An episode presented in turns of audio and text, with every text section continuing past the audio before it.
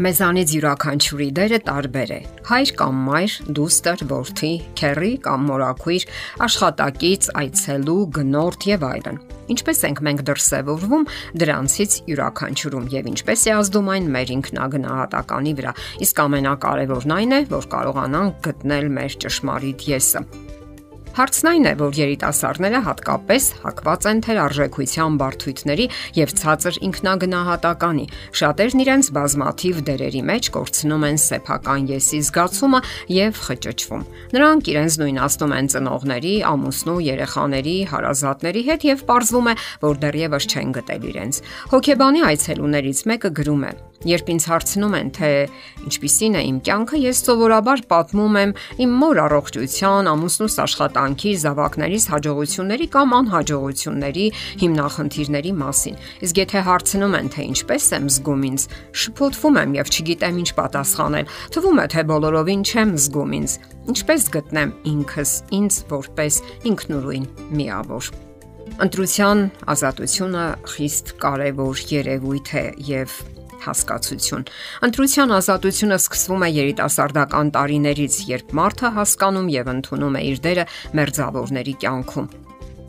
Նա ձգտում է կատարել այն առավելագույն պատասխանատվությամբ, սակայն այդ ընթացքում մոռանում են կամ չեն պատկերացնում, որ դա հնարավոր է միայն սեփական եսի ներկայությամբ։ Ամբողջ հարցն այն է, որ մեր հասարակական կյանքում հայ մարդը բազմաթիվ հիմնախնդիրների է բախվում եւ համարյա մոռանում սեփական անձը։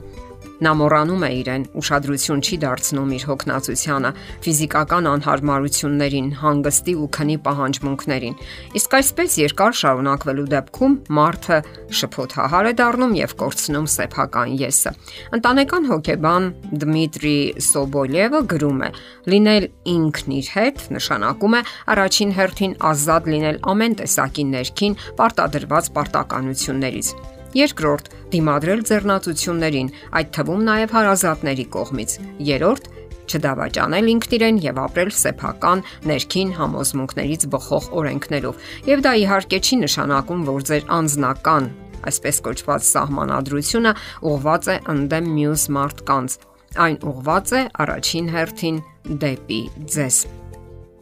Սեփական եսի ներկայությունը զգալու նշաններից է հանգստությունն ու լարվածության բացակայությունը, շարժումների եւ ընտրության ազատության զգացումը։ Դա նշանակում է նաեւ, որ մենք կարողանում ենք բացատրել սեփական ընտրությունը, որը տեղի է ունենում ոչ թե մեխանիկորեն կամ որ ընտելացել ենք դրան, այլ որովհետեւ գիտակցաբար ենք կատարում։ Հոկեբան Դմիտրի Սոբոլևը շարունակում է իր միտքը. Երբ մենք ինչ որ բան ենք անում,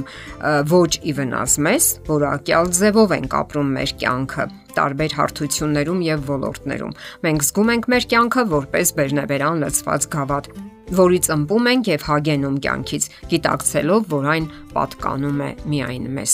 Ովքեր ենք մենք, ինչ ենք ներկայացնում մեզնից իրականում, ինչպիսին ենք ցանկանում լինել։ Մենք այս բոլոր հարցերին կարող ենք պատասխանել միայն այն դեպքում, Եթե ցրենք բոլոր ներքին տագնապները, վախերն ու կասկածները եւ դադարենք ուշադրություն դարձնել շրջապատի կարծիքներին։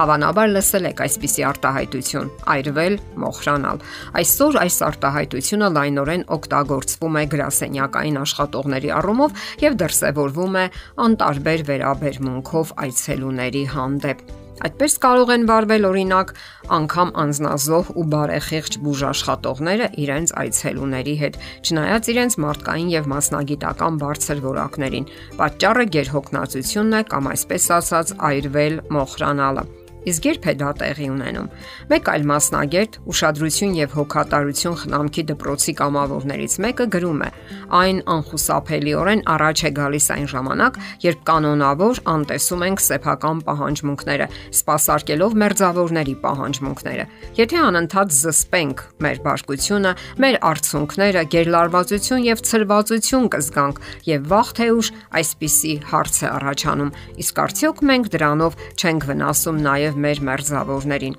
Հոկեբան Դմիտրի Սոբոլևն այսպիսի ելք է առաջարկում. հարմարվելու հմտության շնորհիվ մենք կարող ենք հարմարվել ցանկացած հանգամանքների։ Սակայն հարկավոր է հասկանալ, որ ինչպես երեխան, այնպես էլ մեծահասակները կարող են օգտագործել այնքան ժամանակ, որքան հատկացնում եք նրան։ Կհատկացնեք 24 ժամ, կոչնչացնեք 24 ժամ։ Հատկացրեք 4 ժամ, իսկ մնացածը հատկացրեք ձեր խնամքին եւ գոհ կլինեք դրանից։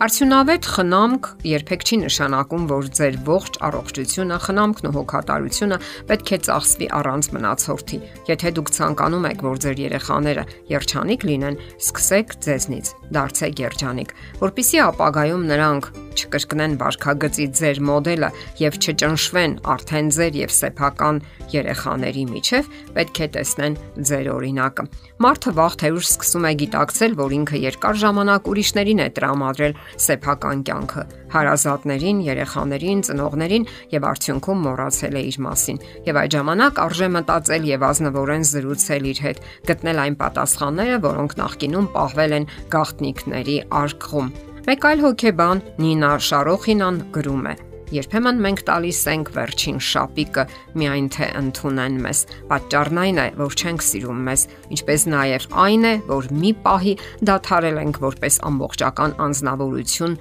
զգալ ու գիտակցել մեզ։ Դե ինչ, ընդունեք եւ սիրեք մարդկանց, բայց արդյոք դա պետք է լինի ձեր բոլոր ուժերի հաշվին։ Մտածեք նաեւ ձեր մասին, զգացեք ձեր սեփական եսը եւ փորձեք վայելել կյանքը։ Եթերում է ճանապարհ երկուսով հաղորդաշարը։ Հարցերի եւ առաջարկությունների համար զանգահարել 033 87 87 87 հեռախոսահամարով։